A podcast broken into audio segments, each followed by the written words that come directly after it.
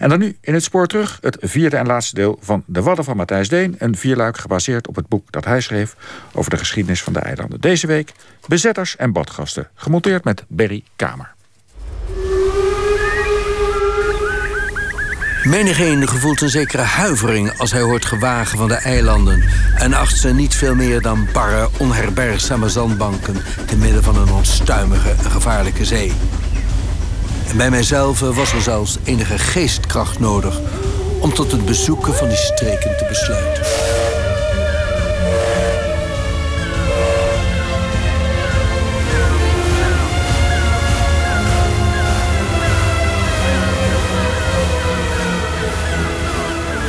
Nooit hadden de eilanden verder van de vaste wal afgelegen dan halverwege de 19e eeuw. Toen Amsterdam plannen maakte om het ei met een dijk van de Zuiderzee af te sluiten en de graafwerkzaamheden aan het Noordzeekanaal begonnen waren. Er kwamen weliswaar stoomschepen die los van wind en tij geregelde diensten onderhielden met de eilanden, maar de koopvaardij bleef steeds vaker weg. De eilanders waren weer overgeleverd aan het slagen van de oogst de ondoorgrondelijke luimen van haring en oester... die beurtelings schaars en dan weer te overvloedig waren. En de vraag naar zeegras, wol en schapenkaas. Het jonge koninkrijk was op de wal met stoomkracht en liniaal bezig... de laatste stukken wildernis te ontginnen... de laatste meren droog te pompen... en het land met kaarsrechte telegraaf, spoor- en wegverbindingen... naar alle windstreken te ontsluiten. Deze bovenmenselijke, fluitende, puffende, walmende, sterk ruikende en luidruchtige moderniteit was het nieuwe Nederland. Terwijl de vertrouwde wereld zo door de stoom aangedreven hakselaar ging, speurden historici, naturalisten en volkskundigen naar de laatste zuivere bronnen van onze nationale volkseigen identiteit. En die lag niet alleen in het verleden en de natuur maar ook in de tot zover onaangetaste gebieden binnen het koninkrijk, zoals de Waddeneilanden. Want waar achter de dijk het Wad begon, daar maakte de vooruitgang pas op de plaats. Daar liepen de sporen dood op stootblokken. Daar viel niets droog te pompen. Daar kronkelde en veranderde alles. Daar stremde de snelheid van het moderne leven. Nou was het wel zo van die eilanden die hadden dus uh, uh, hadden gewoon meegedaan met de geschiedenis. En uh, die mensen die daar woonden, ja, dat waren heel veel zeelui. Die hadden nou juist uh, nou, vaak heel wat meer gezien dan gemiddelde Veluwse of Drentse boeren uit die tijd. Maar dat was het idee wat, wat de mensen naar de eilanden toe bracht. Zo van, dat is een, een, een geïsoleerde, besloten gemeenschap. En of dat nou altijd klopte, ja, dat is maar de vraag. Arthur Oosterbaan, die ooit zelf als bioloog naar Texel kwam om er bij Ecomare te gaan werken, heeft zich verdiept in de vakgenoten die hem voorgingen in de 19e eeuw. Het waren naar de tijd gerekend pioniers. Ja, die eilanden, daar, daar, ging, ging nooit iemand naartoe voor de lol. Dat was Onder die wetenschappers waren de plantkundige Holkema en de Vries... en oprichter van het Koloniaal Museum Frederik Willem van Ede... de vader van de latere schrijver. Hij was het die bekende veel geestkracht nodig had te hebben om naar Texel en later naar Terschelling af te reizen. Ja, ik denk dat het uh, dat voor hun een, een, een, nou, zelfs een beetje gevaarlijke en geheimzinnige wereld is geweest. Uh, want het was gewoon een avontuur om daarheen te gaan. En je wist niet precies wat je zou aantreffen. En ook er waren de eilanders die werden zeker niet. Ja, dat waren een stelletje jutters en, en stropers. Zij deden nog allerlei dingen die misschien eeuwen geleden in, uh, in Holland of Friesland uh, ook gebeurden. Maar daar op de eilanden waren ze dan bewaard, die tradities. En ook de, de manier van met het land omgaan ja, was dus op de eilanden zeg maar, achtergebleven bij de sterk gerationaliseerde 19e eeuwse polders en kaarsrechte wegen en rechte sloten. Nou, dat soort dingen. Die waren er niet op de eilanden of, of in veel mindere mate. Van Ede landde in 1867 op Texel en 16 jaar later op Terschelling als in een Batavisch Arcadia. Waar alles verwees naar een voorvaderlijke staat die op de vaste wal verloren was gegaan. Hij zag vrolijke voerlieden op de bok van hun driewielige karretjes zingend over de zandpaden draven. Hij zag de goedlachse bevolking op oeroude feesten varkenskoppen eten en borrebier drinken. Daar waren geen liederlijke kaailopers die je aangaapten of naliepen om een paar centen. Van Ede zag de eilanders als overgestoken voorouders die leefden als in een zuivere, bijna wilde staat. Hij was ervan overtuigd dat vastelanders de eilanden nog hard nodig zouden hebben. En dat het daarom van levensbelang was om, zoals hij zei. Met alle kracht het oorspronkelijke element dat daar nog leeft voor verdere ontaarding te behoeden en ons naar natuur en waarheid heigende bezoekers met nieuwe veerkracht te bezielen. Hij zette de toon voor de eerste generatie natuurbeschermers, zoals Jacques P. Thijssen, die in 1924 naar Texel kwam om schoolhoofd te worden. Jacques P. Thijssen en uh, dat soort uh, figuren, die verheerlijkten juist de puurheid van die eilanden en, uh, en van de natuur. En ook van dat wij dat nodig hebben als reactie op het uh, jachtige, moderne bestaan en dat alles zo rationeel is. Wij hebben die natuur nog. En dat is dus nog steeds een grondgedachte van de natuurorganisaties in Nederland. Die intellectuelen die overstaken, die zagen hun eigen preoccupatie. Maar wat ze in feite zagen was gewoon pure ellende en armoede, toch? Ja, het, uh, de eilanden waren dus vrij arm. Maar omdat ze dus. Kijk, je moet bedenken, die, die eilandengemeenschappen, ten eerste waren ze klein, waren maar weinig mensen. Ten tweede, ze hielpen elkaar wanneer het nodig was. Hielpen ze elkaar altijd. Echt honger of iets dergelijks was er niet. Maar het was wel ongelooflijk armoedig. Uh, het geld wat er verdiend werd, dat kwam vaak binnen via zeelui. En, en, verder hadden de eilanden zelf niet zoveel te bieden. Ja, wat, wat zeehondenvellen en uh, meeuweneieren. En op de meeste plekken in Nederland toen ook was uh, natuur, dat waren woeste gronden, uh, gebieden die nog ontgonnen moesten worden. En hier waren er dus mensen die zeiden: nee, dat moeten we helemaal niet ontginnen. Dit moet uh, zo blijven, want dat hebben we nodig. Nodig voor wat? Nodig voor ons welbevinden.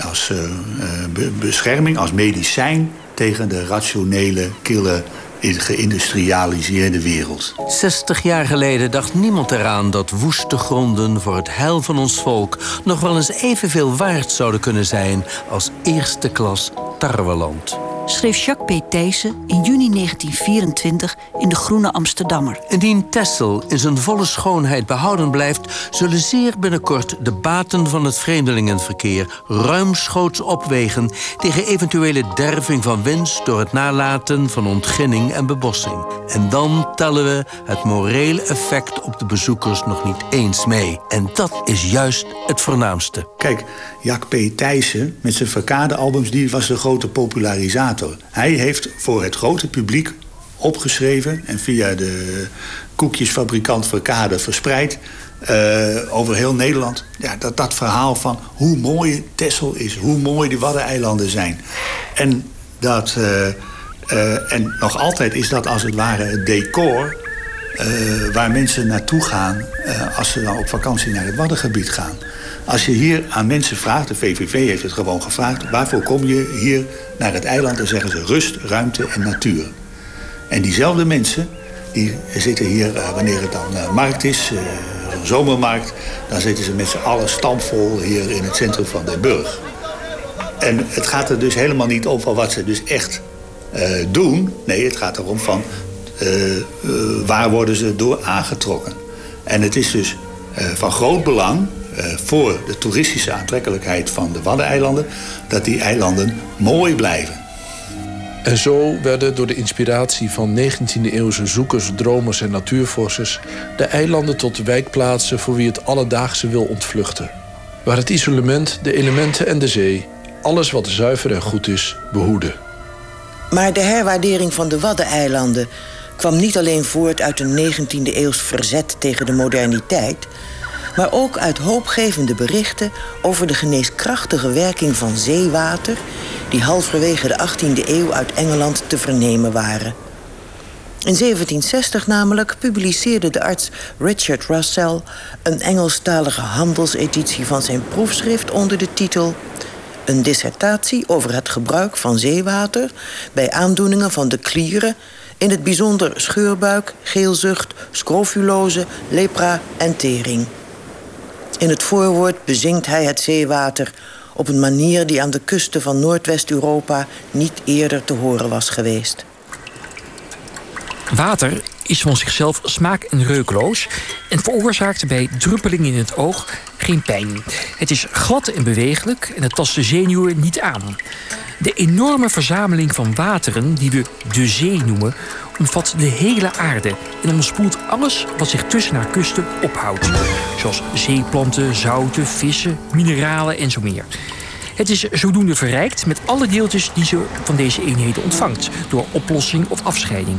Al deze elementen tezamen genomen constitueren de vloeistof die we de zee noemen, die de alwetende schepper ontworpen lijkt te hebben als een soort alomtegenwoordige verdediging tegen de aantasting en bederf van het lichaam. Het duurde niet lang of in Engeland, Frankrijk, Denemarken en Duitsland ontstonden druk bezochte badplaatsen waar welgestelden met aandoeningen van geest, huid, longen en lendenen vanuit speciaal ontworpen badkoetsjes naar de branding afdaalden om hun aangetaste lichamen te genezen. Ook de Groningse predikant Amshof stoomde van Delfzijl naar het Duitse waddeneiland Noordernij, waar al meer dan een halve eeuw een badplaats was. Het was 1851. Op de Nederlandse eilanden kon hij met zijn koppijn, overspannen zenuwen en scrofuleuze zoontje nog niet terecht. Voor de Nederlandse eilanders was de zee nog alleen om in te vissen en uit te jutten. Maar in Noordzeebad Noordernij leerde Amshof de zee op een hele nieuwe manier kennen. Als spoedig horen wij in de verte haar razen en bulderen. Het is niet vreemd te achten dat zij, die dit voor het eerst aanschouwen... in angstig gevoel door de leden voelen rillen... bij de gedachte dat ze zich weldra in dat zwalpend nat zullen moeten begeven... en door hetzelfde als laten begraven. Doch wij reppen ons op het strand om de rug van hun oppasser... die zich daartoe kromt, te beklimmen. En laten ons in zee dragen waar de badkoets staat. In de badkoets gekomen sluiten men de deur en vensters dicht... en eilen, nadat men de laatste kledingstukken heeft laten vallen... met rassentred, zonder aarzeling in de golven. De eerste gewaarwording die men bij het intreden van het bad ervaart... is meestal een zekere beklemming in de ademhaling. Totdat na enige tijd men het water warm begint te vinden. Dit is het ogenblik waarop men het bad verlaten moet. Een jaar later nog zou de predikant Amshof bladzijden vol schrijven over de vele emoties en fysieke verschijnselen die hij gewaar werd toen hij voor het eerst afdaalde naar het zeewater. Vooral die moeilijk te plaatsen sensatie die hij later bij gebrek aan vocabulaire zou afdoen als onbeschrijfbaar genot, bracht hem ertoe met een klein boekje meer bekendheid te geven aan het aardse hel van het badtoerisme. Hij schaarde zich achter het pleidooi van zijn collega Kopjes voor een Noordzeebad op Ameland. Maar een poging om in de jaren 50 van de 19e eeuw het toerisme daar van de grond te krijgen, liep op niets uit. Het eiland en de vaste wal waren toen nog te vreemd voor elkaar. Alleen al de logica achter de afvaarttijden van de postboot moest steeds opnieuw in de Leeuwenkrant aan de klokvaste vastelanders worden uitgelegd. De directie van het Noordzeebad Ameland acht het niet ondienstig nogmaals ter algemene kennis te brengen dat de postschepen dagelijks, behalve op zondagen, van Holwart naar Ameland afvaren en wel in de regel op de dagen voor en van volle en nieuwe maan, des morgens ten 9 uur en vervolgens iedere aanvolgende dag circa drie kwart uur later tot op de dag voor volle en nieuwe maan, als wanneer de afvaart weder des morgens aanvangt. Daar, door weder en wind, echter het vertrek van Holwart soms vervroegd kan en moet worden, is het raadzaam dat men zich steeds drie kwart uur voor de opgegeven tijd van afvaart te Holwart bevindt.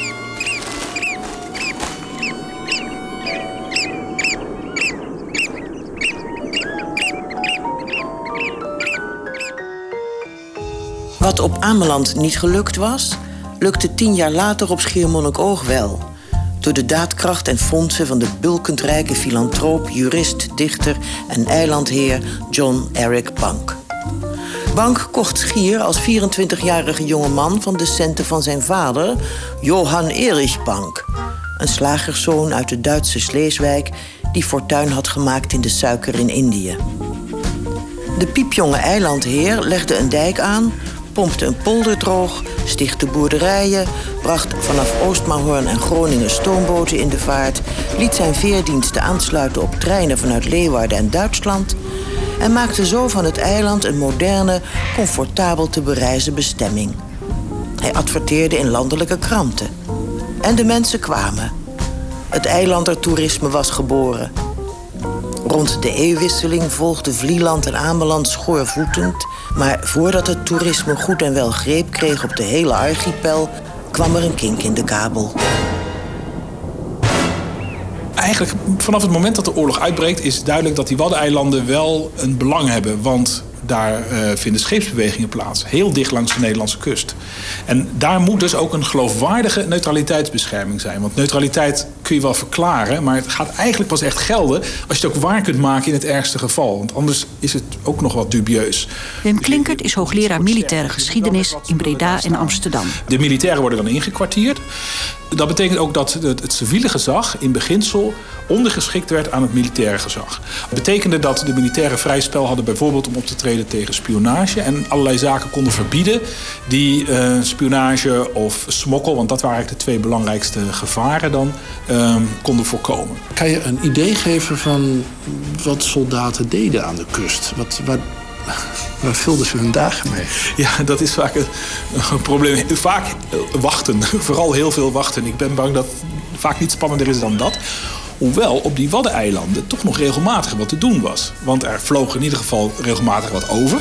Daar moest op gereageerd worden. Er kwamen ook uh, schepen langs. Die moesten in ieder geval waargenomen worden. Dat moest doorgegeven worden, die berichten. Dus dat, die waarnemingen, dat gingen altijd door. Er zal ongetwijfeld geoefend uh, zijn. En, um, en, en voor de rest ja, moesten die soldaten ook bezig gehouden worden met sport en spel, uh, ben ik bang. Want zo heel veel anders was er niet te doen. En een aflossing zo nu en dan. Het wat verzette zich tegen oorlog. De veranderlijke, moeilijk te bevaren zee droeg weliswaar soldaten naar de eilanden, maar spoelde onderweg de angst voor het slagveld uit hun harten. Veranderde krijgers in badgasten, jutters, stropers, minnaars, jongens met bitterzoet heimwee. Of het nou Nederlanders waren die op de steigers landden in de Eerste Wereldoorlog, of Fransen daarvoor, of Duitsers daarna. Het waren opgeluchte jongens die zich met de helm in de hand inkwartierden of barakken bouwden in de duinen. De commando's die ze kregen klonken onbeduidend in het decor van zee en vogels en wind. Hun commandanten doofden de vuurtorens, lichten de boeien uit de zeegaten, brachten de eilanden terug tot duistere zandbanken onder diepe sterrenhemels. Tussen 1914 en 1918 waren het Nederlandse soldaten die tuurden naar uit de koers geblazen Duitse zeppelins. En die zeppelins die zijn voor een deel van hun, hun koers afhankelijk van de wind. Het is moeilijk om dat altijd precies goed te doen. Dat ze niet over de Waddeneilanden, dus over Nederlands grondgebied gaan. Dan moest Nederland reageren. Dus ook al heel snel worden er maatregelen genomen om daartegen te schieten. Niet dat je ze per se allemaal raar hoeft te schieten, maar je moet wel tonen dat ze uh, buiten, uh, buiten de, internationale luchtgebied is, maar boven het Nederlandse territorium aan het komen zijn.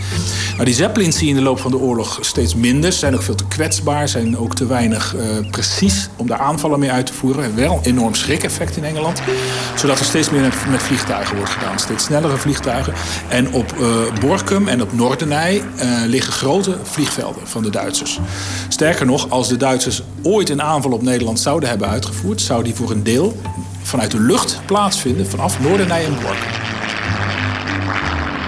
En het was juist die nabijheid van Borkum die ervoor zorgde dat de aandacht van Londen op de Nederlandse Waddeneilanden gevestigd werd.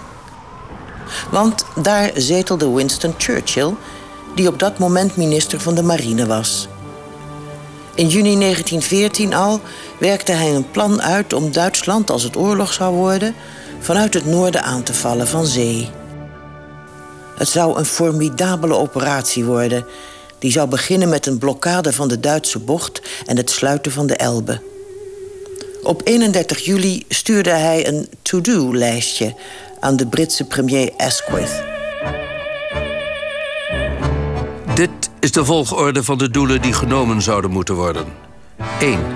Ameland of Borrendiep. 2. Eggersund. 3. Lezeukanaal. 4. Kungsbakkafjord. 5. Esbjerg. 6. Silt. 7. Borkum. 8. Helgoland. Deze operaties moeten worden bestudeerd zonder acht te slaan op vraagstukken van neutraliteit en vraagstukken of de troepen beter elders zouden kunnen worden ingezet. Het oorlogskabinet wilde er dus niet aan.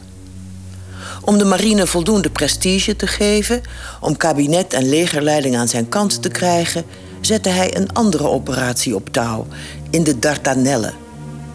Als dat goed zou aflopen, zo redeneerde hij, dan zou hij voldoende krediet hebben opgebouwd om zijn Borkenplan door te zetten. Zo bezien hebben wij het behoud van onze neutraliteit te danken aan de Turken, die op Gallipoli zoveel weerstand boden dat Churchill moest aftreden als minister van Marine. De Tweede Wereldoorlog werd voor de eilanden een oorlog als alle andere. Niet lang na de capitulatie staken Duitse militairen over en verklaarden de eilanden bezet gebied.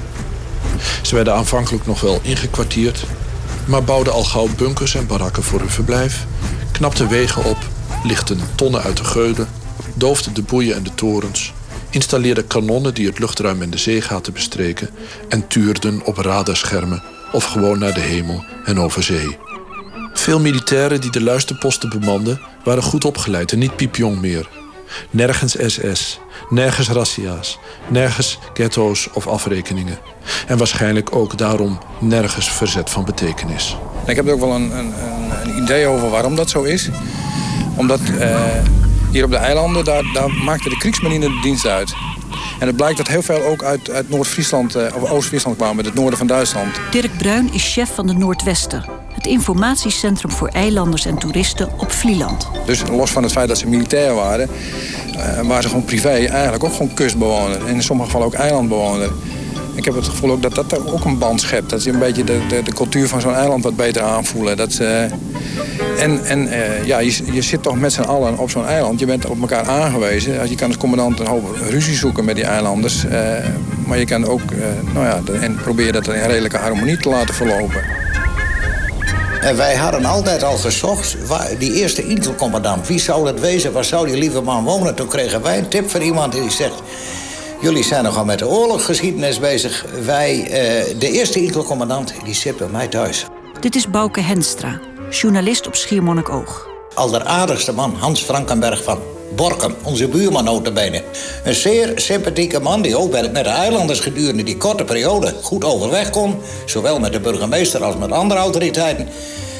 Hij werd vanaf Borkum werd hij door zijn commandant. Werd hij dus naar, eerst naar Rotterdam werd hij gestuurd. Daar staat dus ook een, een afdeling van de, van de marine. Om die dus eraf weg te halen en toen door naar Schiermonnikoog. Je hebt hem nog op band staan, hè? Kun, je, kun je nog iets daarvan horen? Ja, we zullen eens iets horen van hem. Ik kreeg den Auftrag met een Mannschaft van 25 soldaten hier nach, nach Schiermonnikoog zu fahren met een Räumboot te wist. Hij had geen bepaalde bedoeling. Hij heeft gewoon Schiermonnikoog bezet. Heeft de eerste regels die hem op werden gedragen, die voerde hij uit op Schiermonnikoog. Gesprek met de burgemeester, de eilanders toespreken. Hij deelde chocola uit aan de eilanderkinderen. Hij, het was een grandioze man. Hij is hier twee keer geweest in de zomervakantie. Het was ook een eilander, dat zei hij ook. Jongens, gedraag je goed. Ik ben ook een eilander. Hij kwam van Borkum, onze buurman. Dus uh, als het trammeland is, kom bij mij. Ik ben hier de baas. En uh, ik verwacht van jullie geen rare dingen. Dat verwacht je ook niet van mijn soldaten. De Friese eilanden werden spuikgebied. Het strand was gesloten. Vrij verkeer van en naar de wal was opgeheven. Maar toch was het in 300 jaar niet zo druk geweest om de zeegaten. Op Vlieland en Schier verdubbelde het aantal inwoners. Op elke drie Terschellingers marcheerden nu twee Duitsers rond. Op Ameland was de verhouding Duitsers-eilanders 1 op 3. En Texel had met 1 op 4 de minst zware bezetting. Ze woonden ook in het dorp, hè, want ze hadden allemaal panden hadden ze in beslag genomen. Die waren gevorderd, zo dat heette. En daar zaten die Duitsers dan in. Dus dat was gewoon, ze woonden gewoon in het dorp, voor, voor een deel althans. En de grootste delen zat buiten het dorp, in Nes en, en, en bij de Hultenberg nou. Maar in het dorp woonde ook een hele partij. Nou ja, die mensen die leefden ook een klein beetje met de dorpelingen eh, mee natuurlijk. Pieter Jan Bors, voormalig directeur van het Zorgdragerhuis op Ameland. Hier gebeurde eigenlijk bijna geen rare dingen. Hè, want het was ja, ook uh, vrij rustig hier allemaal. Af en toe werd er een vliegtuig naar beneden geschoten door de kanonnen die hier op Ameland stonden. En, uh, maar voor de rest, ja, de Amelandse moesten zich ook aanpassen aan de Duitsers. Want het was wel zo, die NSB-burgemeester die hier was, Bouke Bakker die zei wel tegen Ameland... Dus, als jullie gewoon naar, uh, naar ons luisteren, naar mij en naar die Duitsers... dan hoeven jullie niet naar Duitsland te werk gesteld te worden. Maar dat betekent wel dat je voor de Weermacht aan het werk moest. Dus daar waren heel veel Amelander mannen vrij regelmatig voor de Weermacht aan het werk... met bunkers te bouwen en met loopgraven te maken... palen te zetten tegen de parachutisten. Dus je was in feite fout bezig. Dat is een ding wat zeker is. Maar je had ook geen keus. Want anders moest je onderdeuken. Nou, waar moest je heen als je een gezin had onderhouden... en je had een boerderijtje of weet ik wat? Kon je toch niet uh, maar weggaan. Ik, ik heb wel eens oude Vlielanders gesproken die dan op hun manier een verzetsdaad deden. Maar ja, dat dacht ik ook van ja, dat is ook een beetje zo van nou ja, ik wil mijn rol. Ik ben dan bunkerbouwer geweest. Dus zeg dan gewoon van ja, ik heb gewoon bunkers gebouwd. En zeg dan niet van ja, maar we deden wat met de cement of we deden wat dit. En dat wordt dan een beetje uitgelegd als een verzetsdaad. Nou, dat vond ik niet zo, zo, zo sterk eigenlijk, als ik dat zo... Eh. Maar er was geen vrij verkeer naar de wal, maar het is nog nooit zo druk geweest? Nee, dat klopt. Nee, want er was natuurlijk enorme bouwactiviteiten. Dat, uh, als je dat bekijkt, wat, wat er in die vijf jaar uit de grond gestampt is. Ik verbaas me er wel eens over dat je als je hele dagen een project ziet... Hè, hoeveel tijd daar dan vooraf gaat in overleg en, en bouwen. En, en, en heet dan de oorlog? Nee, nee nou, dan kan het inderdaad in vijf jaar, als je ziet wat hier, hier neergezet is... Het is echt niet te geloven. En, maar ja, goed, je, hoeft, hebt ook nergens met, met, met de inspraakprocedures en, en, en, en bouwvergunningen. En, en, er was helemaal geen sprake van. Er ligt ook een gemeente, een brief, dat, uh, die komt dan van uh, de bouwleitung. Dat stuk grond in beslag genomen, dat is nu van de Duitse Weermacht. De bezetters stonden zich gevoelig voor betogen waaruit moest blijken dat veel jongens onmisbaar waren in de landbouw of de lokale oorlogseconomie, zodat ze vrijgesteld werden van werk in Duitsland. Burgemeesters werkten soepel samen met de inselcommandanten. Halfzachte speurtochten naar radio's werden soms daags tevoren aangekondigd. Het handjevol ondergedoken kinderen van de wal liep vrij over straat. Dus het was hier lang zo slecht niet als aan de vaste wal. Het was zelfs zo sterk hier. Hier waren zelfs Joodse kinderen. Nou, en als de Duitsers goed gekeken hadden, hadden ze dat kunnen zien. Maar die kwamen ze elke dag tegen in het dorp. Maar die waren uit Amsterdam hier gekomen. Die waren hier beter af in Amsterdam. Maar er waren wel twee Joden. Nou, helemaal geen pijn. Niks aan de hand. Alles goed gekomen. Sabotage was hier niet. Moordaanslagen zijn hier nooit geweest. Executies zijn hier nooit geweest. Alleen zijn hier wel slachtoffers gevallen. Maar dat lag indirect niet aan de Duitsers, maar aan de Galliëren. Door twee keer een bombardement van Amerikaanse of Engelse bommenwerpers... die hier onderschept werden door Duitse jagers. En die moesten hun bommenlast kwijt. En er zijn een aantal, in totaal twaalf eilanders bij omgekomen. Een bombardement in de winter van 41 en het bombardement van in juli 1943... waarbij de toenmalige burgemeester en zijn vrouw ook zijn omgekomen. Zelfs in de donkerste nachten is er vanuit vliegtuigen een vaag verschil te zien... tussen het water van de zeegaten en het zand van de eilanden. En dus gebruikten de geallieerde vliegers het vlie geregeld als oriëntatiepunt op hun weg naar hun bestemmingen in Duitsland. Vanuit het noordwesten spreidde bijna iedere nacht de oorlog een deken van gebrom over de dorpen en de duinen. En toen vanaf 1943 de Amerikanen ook dagvluchten gingen maken, was het luchtruim dag en nacht druk en angstaanjagend. Nu en dan schoten vliegtuigen of luchtafweer een vliegtuig uit de lucht en stortten er vuurballen in de ondieptes van het wat.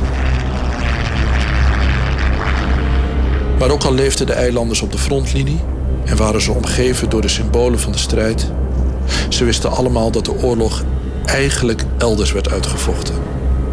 Schepen voeren langs, bommenwerpers vlogen over en als er bommen vielen, dan waren het noodlossingen van geraakte vliegtuigen die eigenlijk op weg waren naar Kiel, Bremen, Hamburg of een doelwit verder in het verduisterde achterland. Eh, het valt mij op dat eh, de Duitsers die ik daarover gesproken heb, die hier gezeten hebben en die er ook over eh, naar huis schrijven en die dus ook na de oorlog teruggekomen zijn, ja, kennelijk raken die dan toch ook helemaal onder de indruk van, van zo'n eiland. En uh, zelfs een soort van, soort van verliefd raken op dat eiland. Zo van, ja, wat een fantastische plek eigenlijk. Want ja, net als nu dat duin waar we heen lopen... Uh, de, de, de, daadwerkelijke dienst doen, hè, dat werk... dat zal een paar uurtjes in de nacht geweest zijn. Ja, en daarbuiten dan zit je gewoon op dat duin. En dan kun je genieten van de omgeving. En dan vervolgens ook, ja, dat, zal dat zie je ook... er wordt gejaagd en er worden eieren geraapt. En kennelijk gaat men ook wel even naar het strand om te zwemmen. Dat lijkt wel een soort van, van, van werkvakantie uh, wat er gebeurt. Hè. De verschrikkingen van de oorlog die zijn toch wel ver weg. Want uh, ja, schiet op een vliegtuig wat vervolgens aan de horizon in het water neerstort. Ja, dat, dat brengt die oorlog niet echt onder je ogen of dichtbij. En datzelfde viel me op met de, de, de, de, de, de, de troepen die dan de eilanden bevrijd hebben, noem het zo. En dat staat daadwerkelijk in hun logboek of in hun dagboek. Dat een paar van die jongens die hadden dan intrek genomen in, uh, in zo'n stelling op de Schelling dan langs de kust. En dat die eigenlijk helemaal geen zin hadden om mee te gaan. Want op een gegeven moment kwam de order weer van nou, we, we moeten weer vertrekken, we gaan weer verder. Maar die mannen die, die vonden dat fantastisch, die zaten daar zo geweldig. En die beschrijven dat ook in hun, in, in, in, in hun dagboek zo van... schitterend aangelegd, een prachtig mooi gecamoufleerde stellingen langs de kust.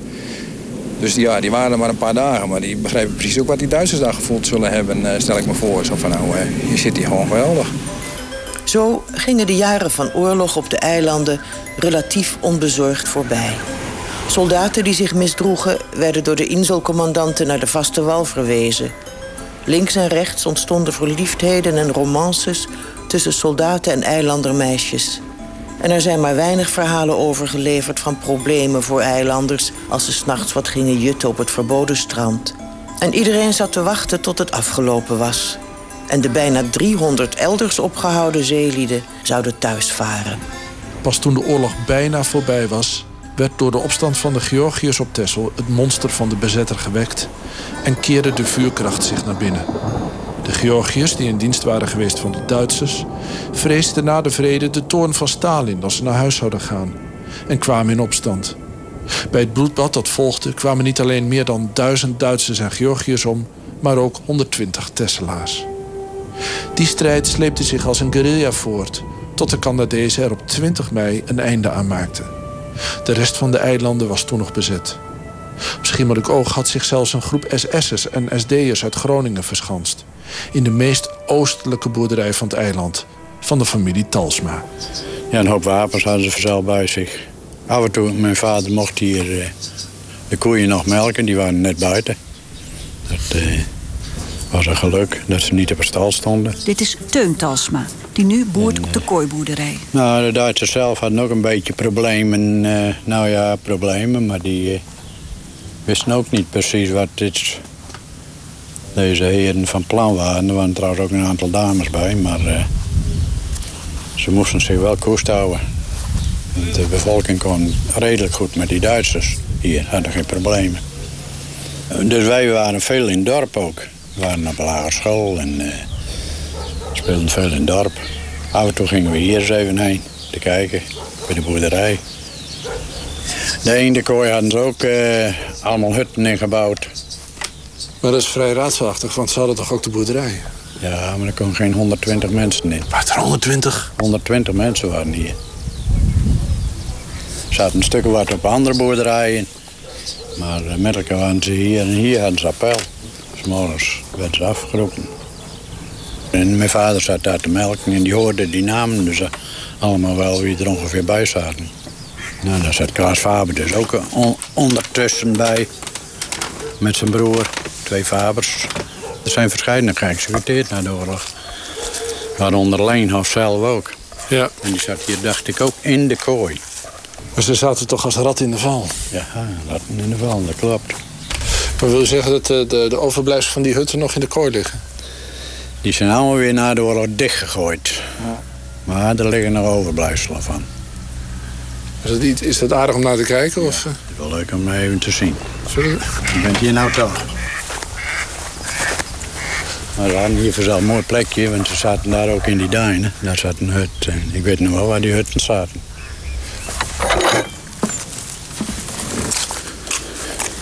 Maar zo, uh, kijk hier, die vangpijpen. Eendekooien zijn heel vroeger gebouwd. Deze is in 1861 gebouwd. Is ruim 150 jaar oud. Ja, met ja, gezelschap. Nou, hier heb je nog zo'n plekje. Oh ja, dat, en dat zijn wat. Kunt u beschrijven wat we zien? Nou, hier hadden ze dus hutten in die dijk gegraven. Dakken bovenop gemaakt. Grote houtkachel erin. Met stenen op de vloeren. En daar zaten ze in. Heel eenvoudig. Wij hebben het altijd over de Duitsers, maar dit waren ook voor 60% Nederlanders. Die hier zaten, die grootste boeven. Ja. Ja, op de, op de... Dat is een beetje, ja, wat moet je daarvan zeggen? Dat is. Uh, Nederlanders waren ook altijd niet uh, zo schoon hè? in de oorlogstijd.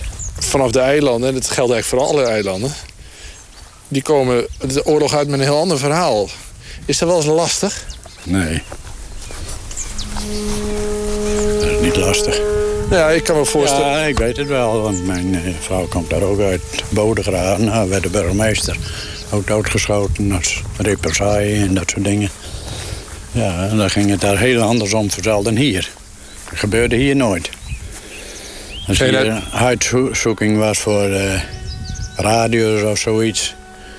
dan waarschuwde de Duitse inselcommandant al... denk erom, ruim je spul goed op dan en dan is een controle van dat en dat. Zo gingen ze met elkaar om. Hoe komt dat? Kleine gemeenschappen en die uh, lui die werden ook allemaal maar gestuurd.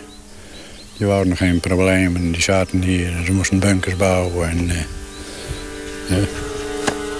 Ik weet het niet precies, zo denk ik het. Ja, maar we waren ook maar kinderen vanzelf, hè. Negen jaar.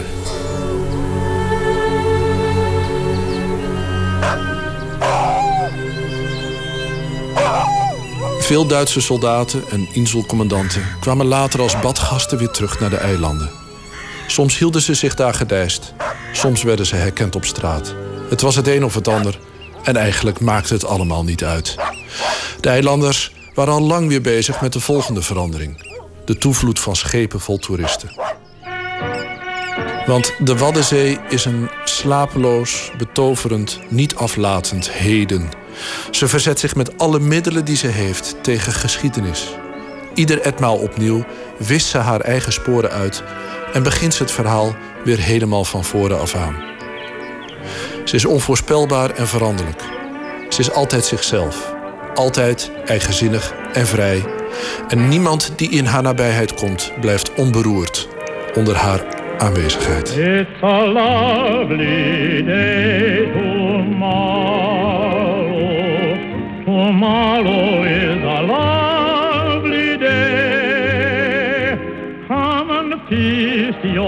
your tear-dimmed eyes on tomorrow's clear blue skies. If today your heart is weary, if every little thing looks gray, just forget your troubles and learn to is a lovely day.